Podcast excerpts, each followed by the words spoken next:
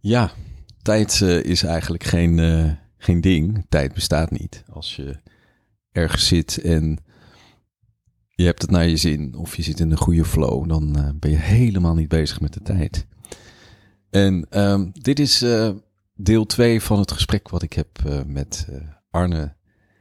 En ehm, ja, Arne, wat, wat ik heb, ik heb net gewoon op een bank gelegen of een bed gelegen. En ik heb, was eh, omringd door allerlei kristallen. En allerlei verschillende kristallen kreeg ik ook in mijn hand of op mijn hoofd. Of... En ehm, nou zo grappig, ga ik erover praten met jou. En dan kan ik het niet uitleggen wat ik eh, net heb ervaren. En dat is, het, dat is eigenlijk eh, meteen waar ik de vraag aan jou wil stellen van woorden. Woorden die wij gebruiken als mens zijn af en toe zo magisch en af en toe zo ehm, beperkend, maar ook af en toe zo kwetsend en af en toe zo lief.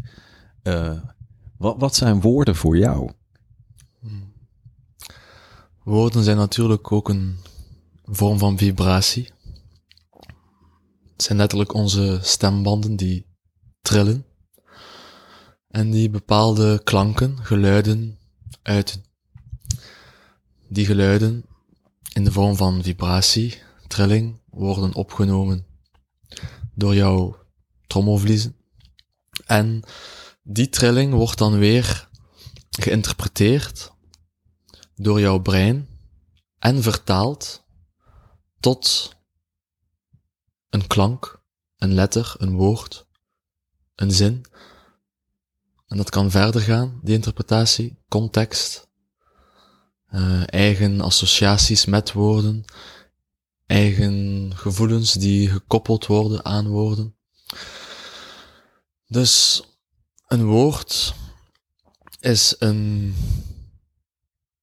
vibrationele uiting van de ziel via het menselijke lichaam.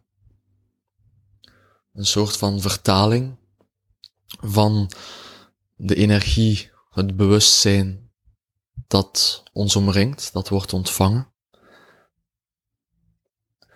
Natuurlijk, het is een, een geschenk om dezelfde taal te kunnen spreken.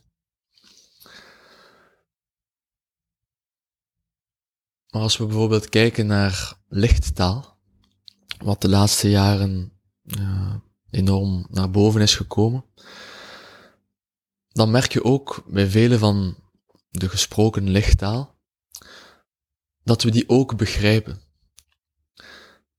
En dat begrijpen is wat los van het rationele bewustzijn, los van het rationele denken dat denkt in, in taal, in woorden.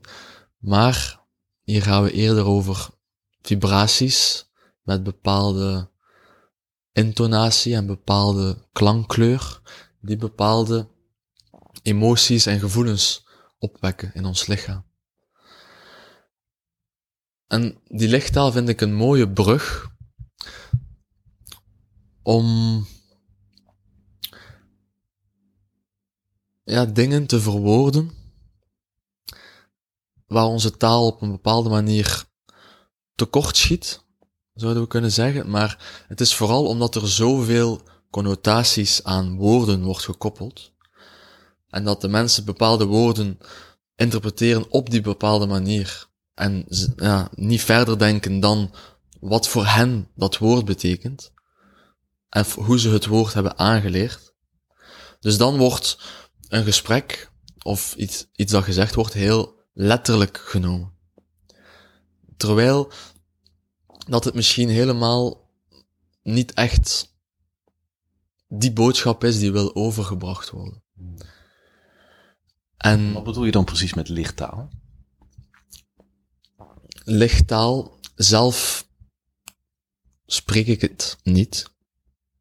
Allee, ik zou kunnen, maar ik doe het niet. Um, lichttaal is dus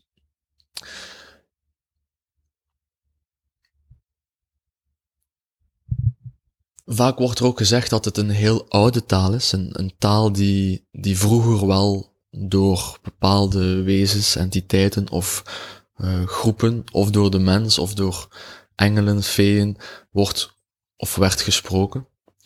Dus tegenwoordig, of uh, van, van planetaire rassen, kosmische rassen die op bepaalde manieren met ons proberen communiceren, maar omdat die taal van ons zo beperkt is met zijn 24 letters en zoveel combinaties van die letters en zo verder. Het is eigenlijk telepathische taal. A telepathie, daarvoor hoef je geen klank te uiten, daarvoor hoef je geen woorden of, of vibraties te creëren. Dat zijn gedachtengolven. Uh, die worden opgenomen. Maar lichttaal is wel klank. Ja, lichttaal is zeker klank. Uh, ja, ik, ik, ik ga niet, ik, ja, koki, ja, koki, oh, ja, maar, oh, ja, ja, ik, oh, ja, ik een pakket, oh, ra, ik, ik, ik, oh. Zoiets. Wow. Dat is een taal die ik nog niet begrijp, maar, maar het, het, is, uh, het, het klinkt heel oer. Ja.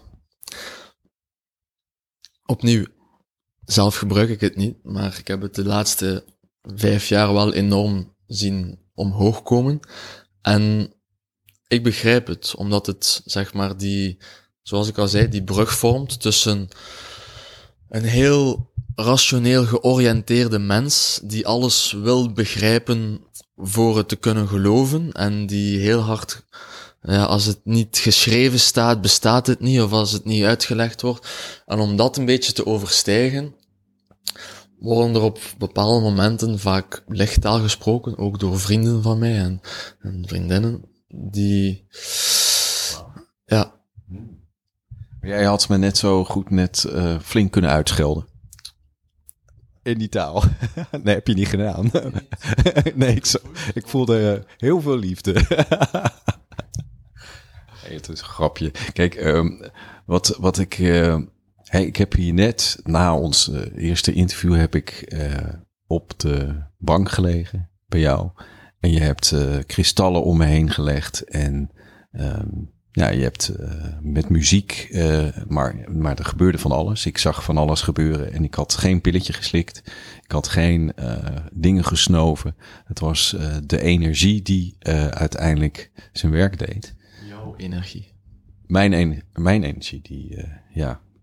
En uh, oké, dat, dat is dan superleuk, hè, dat je dan met je eigen energie aan de slag gaat. Uh, maar superleuk is natuurlijk echt weer zo'n prachtige hippe, taal. Ik weet misschien is het zelfs boemertaal als, mijn, als je het aan mijn, mijn kinderen vraagt. Maar um, het was woordeloos. Er zijn geen woorden aan te geven wat energie dan blijkbaar met je doet op dat moment. En met name dus de kristalenergie. En die kristallen, daar werk je dus mee. En daar geef jij uiteindelijk uh, met de vibratie geef je de persoon die op de bank ligt, zeg maar, de gelegenheid om dingen te ervaren of te beleven. Of, of dicht bij die kristallijn energie te komen. Is dat wat, uh, wat er gebeurt? Ja, kristallen zijn materiële voorwerpen, gevormd door moeder aarde, onze planeet. Het is ook de aarde dat alle mensen met elkaar verbindt. Hoe verschillend we ook zijn in onze geloofsovertuigingen, in onze cultuur, in ons uiterlijk, we zijn allemaal hier op aarde. Dus de aarde is op een bepaalde manier de verbindende factor tussen alle mensen. En het is die aarde die ook de kristallen creëert. In samenwerking met kosmische energieën, in samenwerking met menselijke energieën, worden bepaalde energieën gekristalliseerd in de aarde. Als een soort van bevroren bewustzijn bevroren licht. Ze zijn er ook al heel lang. Al langer dan de mensheid hier is. Dus alles wat de mensheid heeft beleefd, heeft uitgezonden, heeft gevoeld, gedacht, al die vibraties, al die energie dat de mensen hebben gecreëerd, die worden opgeslagen door de kristallen. Dus ook de energie van grote oorlogen. En zo verder. Wat is er eigen aan een kristal? Een kristal, aangezien het materie is, bestaat het uit atomen. We weten dat atomen bewegende partikels zijn, kleine deeltjes. En dat een atoom in essentie voor 99,999% uit potentiële energie bestaat. Leegte, gevuld van potentie. Dus alles wat we hier in de materiële wereld zien, voelen, ook dingen met een enorme hard, hardheid, zoals kristallen.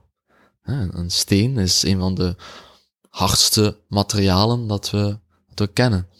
We, met een diamantje kunnen we alles slijpen en bewerken. Dus zelfs het hardste is in essentie gewoon bewegende energie. Energie die op een bepaalde manier gecondenseerd wordt, vertraagd wordt, zodat het een vaste vorm lijkt aan te nemen. De atomen, die dus het kristal opmaken, die zijn heel geordend gestructureerd binnen een kristal. In wat wij een kristalrooster noemen. En door die hele geordende structuur is een kristal een heel stabiel energiesysteem. Zoals alle levende wezens, en de kristallen leven ook, hebben kristallen een energieveld. Een energieveld dat al vele jaren kan gemeten worden, vastgelegd worden via Kierland, fotografie en zo verder. Net zoals wij een aura hebben, het elektromagnetische veld rondom ons lichaam, zo is er een energieveld rond de vorm, de materie van het kristal. En die stabiele energie, die harmonische frequentie, kunnen we benutten om ons lichaam ook terug in harmonie te brengen, op een energetisch niveau. En zoals je hier kunt zien, zijn er kristallen in alle kleuren van de regenboog. Diezelfde kleuren vinden we terug in onze energiecentra van ons lichtlichaam. En het is via deze energiecentra, de chakras, dat onze energie van ons lichtlichaam in ons fysieke lichaam stroomt. En eigenlijk wordt op elk moment uw fysieke vorm gecreëerd. Vanuit jouw bewustzijn wordt er energie gevormd en die energie materialiseert zich, of we zouden kunnen zeggen, kristalliseert zich tot wat jouw fysieke lichaam is. Dus ik ben ook een kristalkind. Absoluut. We zijn allemaal kinderen van het kristallijne. En opnieuw, kristallijn betekent stabiel, geordend, harmonisch en ook in harmonie met de natuur. En zo ook in harmonie met elkaar, met andere mensen. Dus in harmonie met jezelf, maar ook met elkaar en met de natuur. Ja, van nature. Dit is niet iets wat moet gedaan worden. Gaat vanzelf. Ja, dat zien we ook in de natuur. Als we naar de natuur kijken, dan zit er een bepaalde geometrie, een bepaalde heilige geometrie. De gulden snede vinden we in, in alles van de natuur terug. Van het slakkenhuis tot een melkwegstelsel, de staart van een zeepaardje. Overal zien we diezelfde verhoudingen, die volgens de gulden snede, wat het pad van de minste weerstand is, En diezelfde geometrie vinden we terug in de kristallen. De kristallenwereld, die toont heel duidelijk de platonische vormen, waaruit eigenlijk alle materie is opgebouwd. Waaronder de kubus, de piramide, de octaeder, dodecaheder en isocaheder. En kijk, we zitten hier bijvoorbeeld naast een piramide-vormige piriet. Piriet noem ik graag het piratengoud. Dus we hebben hier een piramide uit piratengoud genaamd piriet. Je kijkt er wel heel ondeugend bij nu. Ja, dat vind ik iets wonderbaarlijks. Dat je als menselijk wezen, als, als dierlijk wezen hier op aarde, dat kunt bij u hebben. En dat kunt over spreken. En die link kunt leggen. Pi. Pi is het getal dat ook in die gulden snede zit. Dus welk kleur heeft de piramide uit Piriet? Ja, die kleur. Wat is het? Metaal? eh. Gulden. Ja. Goud. Fantastisch. Ja. Dus de natuur toont ons alles wat wij hoeven te weten. Wat wij kunnen weten. En de mineralen, het mineralenrijk, bevindt zich eigenlijk op de eerste dimensie. De planten bevinden zich op de tweede dimensie, de dieren op de derde dimensie. En wij als mens zijn eigenlijk vierdimensionale wezens met de mogelijkheid om interdimensionaal, multidimensionaal bewust te zijn en ook hogere dimensies te bereiken. Dus wanneer je al gaat zorgen en een bepaalde band met het mineralenrijk gaat creëren, met die eerste dimensie dus, en als je al planten in huis hebt en die verzorgt en eh, graag eh, bloemen ruikt en af en toe eens een boom knuffelt of eh, graag gaan wandelen in, in het bos en een huisdier hebt en goed doet voor eh, de dierenwereld en zo verder, dan zit je dus al aan de eerste dimensie, de tweede dimensie en de derde dimensie waar jij voor zorgt, waar jij liefde voor hebt. Wetende dat al die dimensies deel zijn van jou als mens. Als mens zijn wij de totaalsom van alles wat er is. Dus wij zijn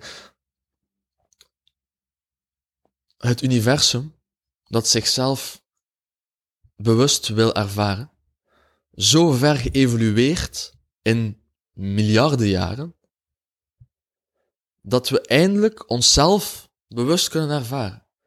Dat we bewust kunnen zijn van ons bewustzijn. En daarnet, als je recht kwam van de bank, zei je dat je nu eindelijk voor het eerst weet wat jouw bewustzijn is. Ja, dat klopt. Ik, eh, ik heb ervaren, tenminste, dat is wat ik eh, in woorden wilde uitdrukken. En toen ik het meteen zei, dacht ik van, nou, dat zijn eigenlijk gewoon beperkte woorden. Maar dat, eh, dat wat bewustzijn is, er altijd is. En dat vond ik, vond ik grappig van, wie ben, wie ben ik nou die, die hè, wie ben ik nou? En dat is het stukje bewustzijn. En dat kan je niet uitleggen, want dat, dat weet je zelf. En dat weet jij hoe dat, eh, hoe dat werkt. En dat is, eh, dat is een cadeau wat ik vandaag eh, in de ontmoeting met jou heb mogen ervaren. En, en eigenlijk zeg je van dat je daarin de facilitator bent om dat, zeg maar, ook vanmiddag eh, tijdens deze ontmoeting ook te laten ontstaan. Ja. Ik creëer een omgeving, een ruimte, doordringt, doordrongen van kristalbewustzijn, een zuivere intentie. En alles in deze ruimte is eigenlijk gevuld met dat pure bewustzijn. Natuurlijk, al de kristallen hier, maar zowel de matras, de comfortabele stoelen, de kast, zijn allemaal objecten die van mijn amma, van mijn grootmoeder waren. Dus natuurlijk via mijn bewustzijn en wat ik weet van die objecten en de liefde die ik koppel aan de liefde die ik heb voor mijn grootmoeder, zorgt ervoor dat zelf de kast en de stoel doordrongen is van kristallijne liefde. Die liefde voor je oma? Die, eh, die voelt ook. Dat kan ik gewoon voelen als ik tegenover je zit. eh. Ehm, hoe, ehm, als je dan zeg maar de liefde voor je oma neemt, of de liefde voor. Zij heeft eigenlijk heeft zij voor jou een poort opengezet. Op, op je vijftiende eh, leeftijd door eigenlijk dat boekje aan jou te geven. Al veel vroeger eigenlijk, want het was mijn oma die altijd al een paar kristallen in haar woonst had. Dus vanaf mijn jongste jaren als kind heb ik kristallen ontdekt bij mijn amma thuis. Dus binnen onze familie was het ook normaal om, los van voor dieren en planten, ook een band met kristallen te hebben. En zo was dat heel normaal voor mij, eh, samen met mijn neef ook, eh, hebben wij dan kristallen verzameld. En dat begon eigenlijk meer met mooie steentjes en schelpjes van op het strand en hier en daar wat botten of eh, dingen van dieren of eh, en dan toen was het meestal op reis in Frankrijk op marktjes of zo. Dan had je hier en daar eens een een kristallenwinkeltje. En ja dat was dan een natuurlijke aantrekkingskracht en dan ja, dus de kristallen. En zoals ik al gezegd heb, mijn Amma was heel spiritueel bewust. Ehm, ze, was, ze heeft ook heel veel gedaan in haar leven. Van ehm reiki tot eh, mandala tekenen. Ehm, ze zong in een, in een koor. Maar ze deed al die dingen eigenlijk gewoon voor haarzelf, voor zelfontwikkeling, voor dingen te herinneren. Ehm, meditatie, mantras zingen. ehm, en zo verder. Dus in, in, in haar wereld, waar ik een kleinkind was, zijn al die elementen altijd voor mij aanwezig geweest. Niet zozeer op een heel zichtbare manier, maar wel in het veld van bewustzijn waarin ik mij bij ouders en grootouders vertoefde. En nu ben jij een eh, man van 27. Nog steeds het kleinkind van, eh, van je oma. Die is niet meer hier, zeg maar. Op, de fysieke, op het fysieke niveau. En ehm, heb jij een missie? Op een bepaalde manier voelt het aan alsof ik ook haar missie verder zet. Ik heb dat heel sterk kunnen ervaren ehm, door het was zichtbaar dat hoe hoe stabieler ik werd en hoe meer ik ontwaakte en dat durfde in de wereld te zetten, hoe meer Amma eigenlijk fysiek achteruit ging. Tot op het punt dat ze haar lichaam heeft achtergelaten. En dat was echt het punt waarop ik zonder haar verder kon. En ik heb dan ook nog expliciet de boodschap moeten geven van oké, nu is het genoeg, nu laat ik je ook los. Want het leek ook alsof ze bleef en hier nog steeds was, doordat ik haar nog nodig achtte te hebben. En op het moment dat ik dat heb uitgesproken, van oké, nu kan je gaan, voor mij hoef je niet te blijven, was ze één week later vertrokken. Wat een liefde. Ja, het gaat heel diep. Amma en Arne. Amen Ra.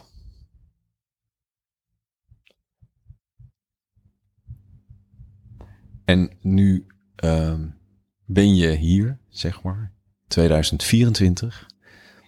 Ehm, en het werk voortzetten, maar dat is eh, één element.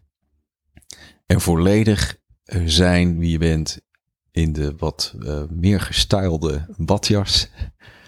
En, eh, en vanuit eh, enorm veel liefde voor wie je zelf bent, toch?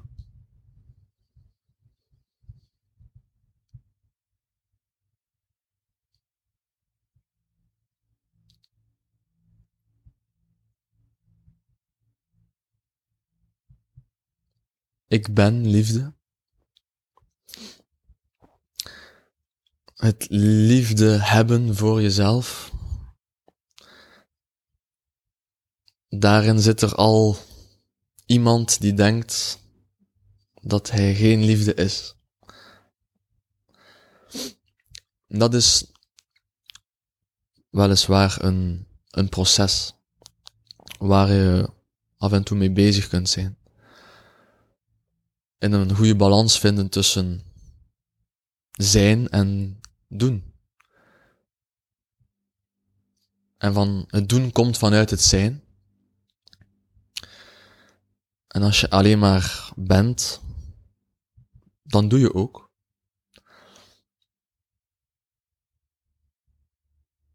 Maar ik heb wel een goede balans gevonden tussen dienstbaar zijn en liefde geven en zelfzorg, wat heel belangrijk is.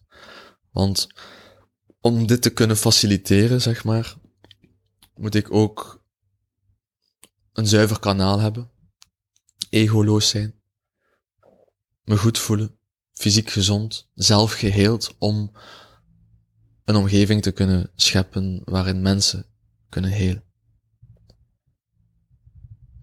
Dankjewel. Graag gedaan.